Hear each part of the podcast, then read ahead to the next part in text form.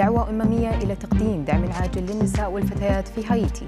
مبادرة إماراتية تستعين بالحيوانات الأليفة لعلاج ضحايا الصدمات. أول حالة مشتبه فيها لانتقال فيروس جدري القردة من إنسان إلى كلب. براءة اختراع لدواء روسي لعلاج النوع الثاني من مرض السكري. أبرز أخبار الساعة الأربع والعشرين الماضية في دقيقتين على العربية بودكاست.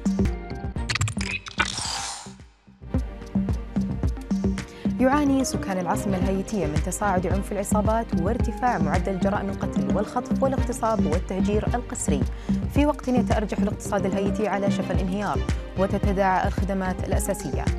لذا دعا صندوق الأمم المتحدة للسكان لتقديم الدعم العاجل للنساء والفتيات في خضم أعمال العنف والانهيار الاقتصادي حيث هناك نحو 85 ألف امرأة حامل حاليا. من المقرر أن تضع 30 ألفا منهن في ذروة الأزمة خلال الأشهر الثلاثة المقبلة.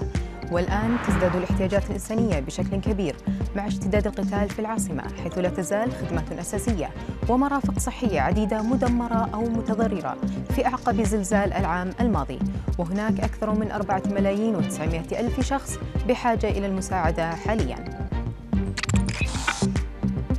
طبقت مؤسسة دبي لرعاية النساء والأطفال برنامجا للعلاج النفسي بمساعدة الحيوانات الأليفة. يعد الأول من نوعه على المستوى الوطني.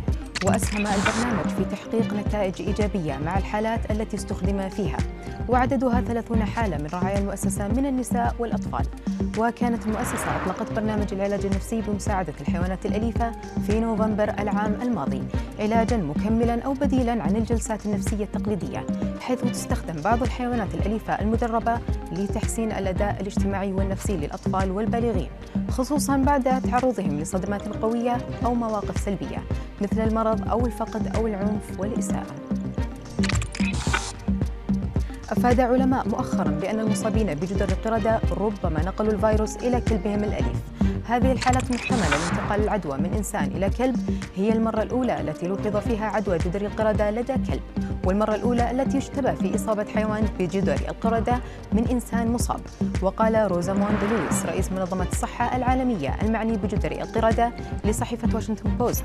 إنه من المهم ملاحظة أن في هذه المرحلة من غير المعروف ما إذا كان الكلب المصاب يمكنه نقل الفيروس جدري القردة إلى البشر. أعلن المكتب الإعلامي لوزارة التعليم والعلوم الروسية أن خبراء معهد عموم روسيا لبحوث النباتات الطبية والعطرية ابتكروا دواء جديد يخفض مستوى السكر في الدم.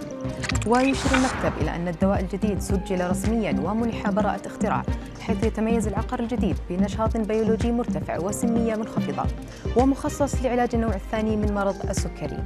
كما يتميز الدواء الجديد بتعزيز متبادل للخصائص الدوائية لكل مكون من مكوناته حيث أن الأدوية النباتية هي أدوية واعدة في علاج أمراض الغدد الصماء لأن لها مجموعة واسعة من الأنشطة البيولوجية وآمنة.